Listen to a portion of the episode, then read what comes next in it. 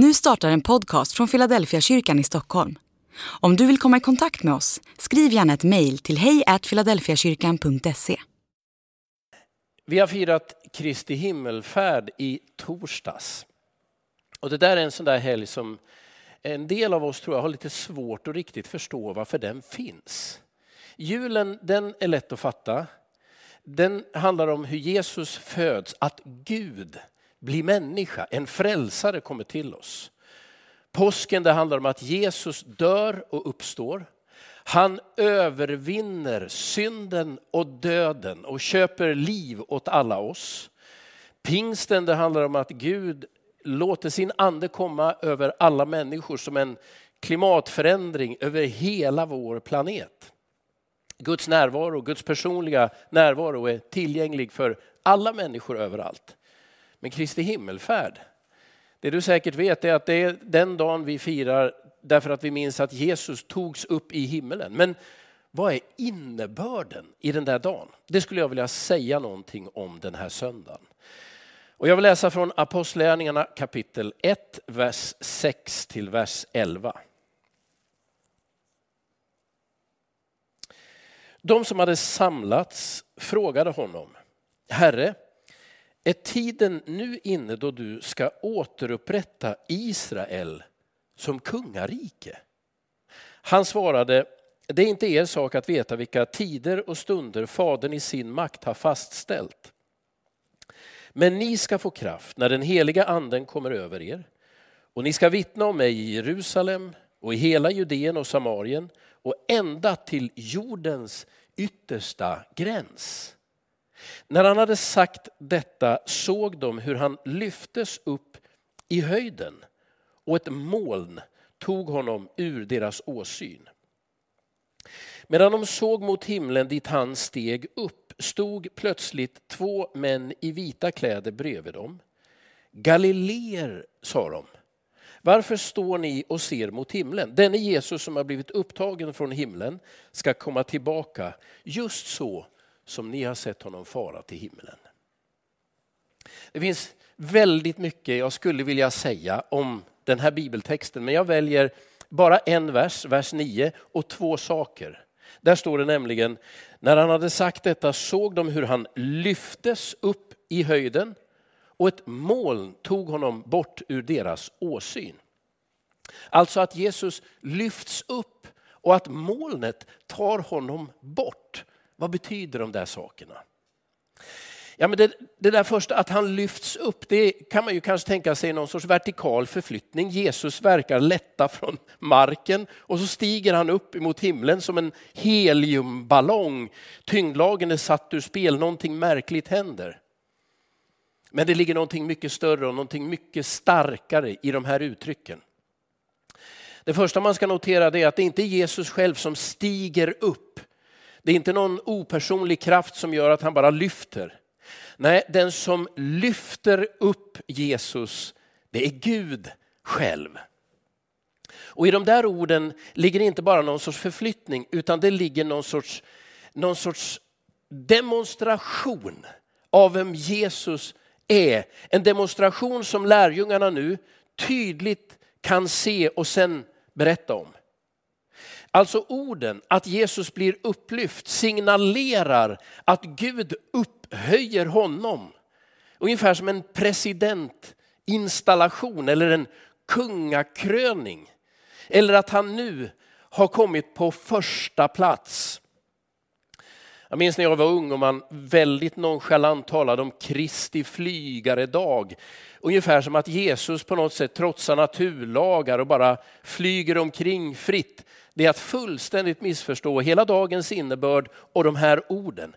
Nej, det är Gud som lyfter upp Jesus och betydelsen är att lärjungarna nu kan se att den Jesus de har följt, han som dog och uppstod, han är av Gud tillsatt som den ytterste befälhavaren, makthavaren i hela detta universum.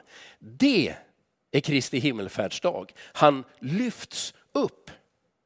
Det är ungefär det här som Paulus formulerar i Filipperbrevet kapitel 2. Några av de finaste orden i Nya Testamentet. Jag vill läsa därifrån. Han ägde, alltså Jesus, ägde Guds gestalt men vakade inte över sin jämlikhet med Gud utan avstod från allt och antog en tjänares gestalt då han blev som en av oss. När han till det yttre hade blivit människa gjorde han sig ödmjuk och var lydig ända till döden, döden på ett kors. Därför har Gud upphöjt honom över allt annat och gett honom det namn som står över alla andra namn.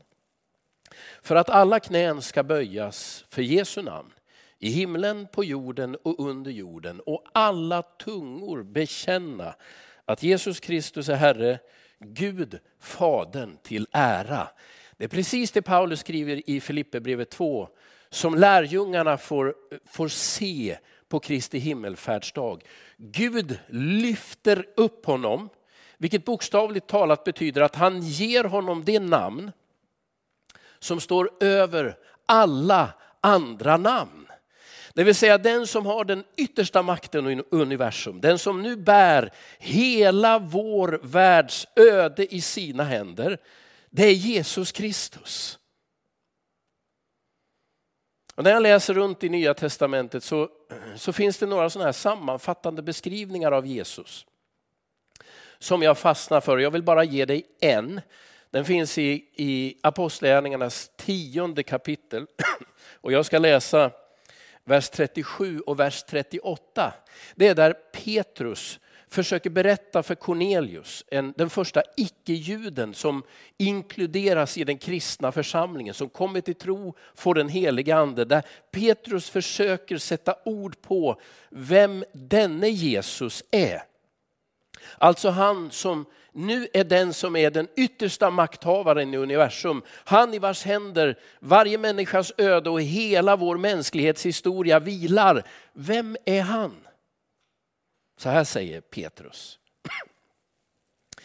Ni känner till det som har skett i hela Judeen med början i Galileen efter det dop som Johannes predikade. Hur Jesus från Nasaret blev smord av Gud med helig ande och kraft och hur han vandrade omkring, gjorde gott och botade alla som var i djävulens våld.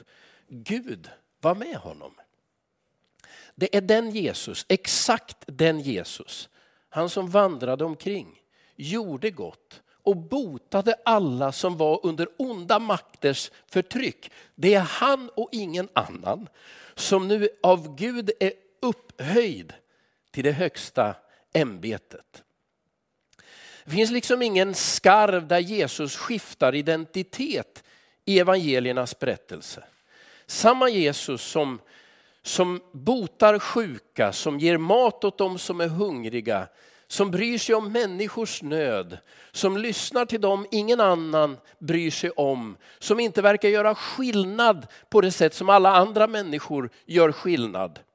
Det är samma Jesus som dör och uppstår, som går ut ur graven. Det är samma Jesus som på Kristi himmelfärdsdag lyfts upp av Gud själv. Och det är samma Jesus, enligt den här texten, som ska komma tillbaka vid tidens slut. Det är den Jesus som gick omkring, gjorde väl och botade alla. Det är han som har den yttersta makten. Jag kan inte annat än att känna en otrolig lättnad när jag läser det här och tänker på det här. Jag vet, vi lever just nu i coronapandemin och jag gissar att flera av er har hört vad världens mäktigaste man, presidenten i USA, har sagt. Han föreslår ju att man på något sätt ska inhalera desinfektionsmedel och han säger offentligen att han äter malariamedicin som någon sorts profylax trots att det inte finns någon vetenskaplig grund för det.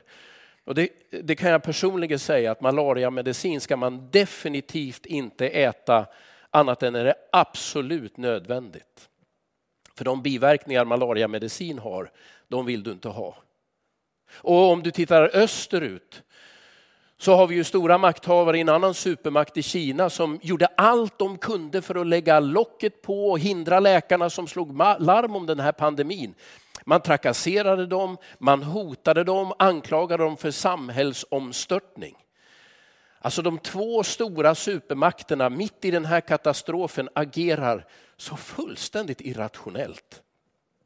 Det är klart man kan tänka vart är världen på väg? Men det jag vill säga till dig idag är att du behöver inte titta åt, åt väst för att se vart historien kommer att ligga. Du behöver inte titta åt öst för att tänka var, var ligger makten. Men du kan lyfta blicken. Därför att den som har hela mänsklighetens öde i sina händer, det är Jesus Kristus. Han som gick omkring, gjorde väl och botade alla. Det är hos honom den yttersta makten ligger.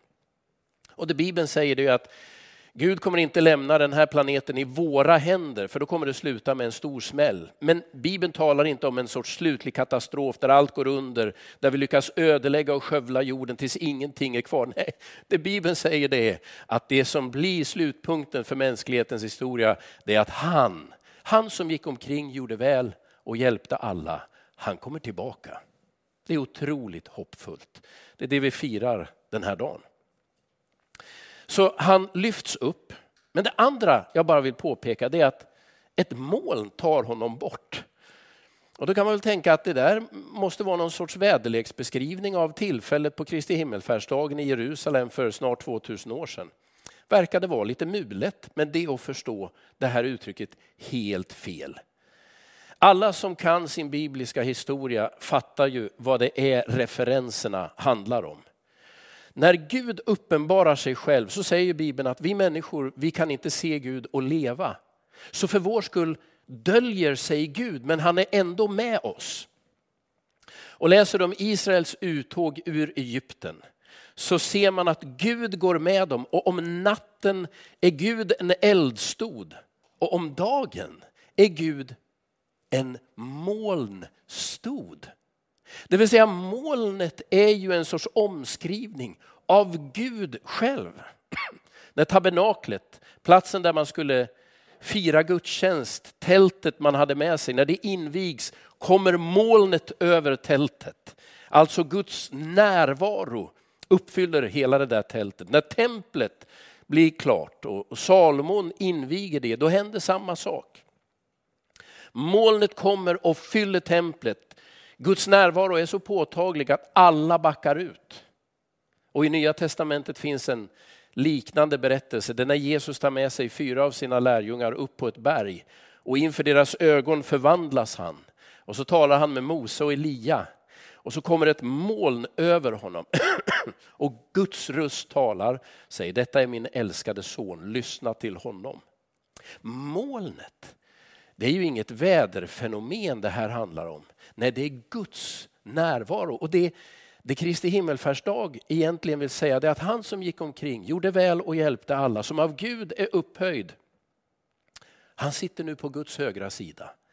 Han står mitt i, i liksom tronsalen, eller hur man ska beskriva detta. Ja, vad, vad betyder det där påståendet? Ja, men det betyder att du har din starkaste företrädare din främste försvarare, den som skulle göra allt för att lyfta dig, hjälpa dig och rädda dig. Du har Jesus själv precis vid Guds eget hjärta. Jag vill bara, det finns flera bibelord, du ska få ett, som på något sätt tar hem slutsatserna från den här beskrivningen. Det är Paulus som skriver i Romarbrevet kapitel 8 och vers 34. Vem kan då fälla? Kristus är den som har dött och därtill den som har uppväckts och sitter på Guds högra sida och vädjar för oss. När molnet tar Jesus bort så betyder det att du har en företrädare som för din talan. Han anklagar dig inte. Han sitter inte i himlen och utvärderar dig och påpekar alla dina brister och fel. Det jobbet tillhör en annan. När det Jesus gör, han som gick omkring, gjorde väl och hjälpte alla, det är att han sitter i himlen. Och om du kunde lägga örat mot himlen, då skulle du höra att han just nu nämner ditt namn. Det är det här vi firar på Kristi himmelfärdsdagen, att Jesus, den ödmjuke enkle, han som inte skramlar med vapen, som inte är någon krigsherre eller någon maktfullkomlig eh, despot, att det är han som är den yttersta makthavaren, ingen annan. Han som gick omkring, gjorde väl och hjälpte alla. Och att han nu sitter på Guds högra sida och där nämner han ditt namn. Så var du än är, vad du än står i den här dagen så ska du veta, det finns en som inte har glömt vem du är, som ständigt upprepar ditt namn, som påminner hela himlen om att du finns och vad du behöver. Och det är Jesus. Nu ber vi tillsammans. Jesus, jag vill tacka dig för att du är den högsta och den största. Och så som vi mäter makt bland oss människor så mäter inte himlen makt. Himlen verkar tillskriva ödmjukhet, självutgivande och kärlek den yttersta makten i vårt universum. Inte våld, makt och kontroll utan kärlek och omtanke. Och jag vill tacka dig för att det sista ordet som ska sägas i vår mänsklighet inte kommer att handla om våld och förtryck utan om kärlek och självutgivande. Tack för hoppet om att du inte lämnar oss åt oss själva utan du ska komma tillbaka. Och i väntan på att du kommer så vet jag att du för vår talan i himmelen. Du står på vår sida. Tack. Amen.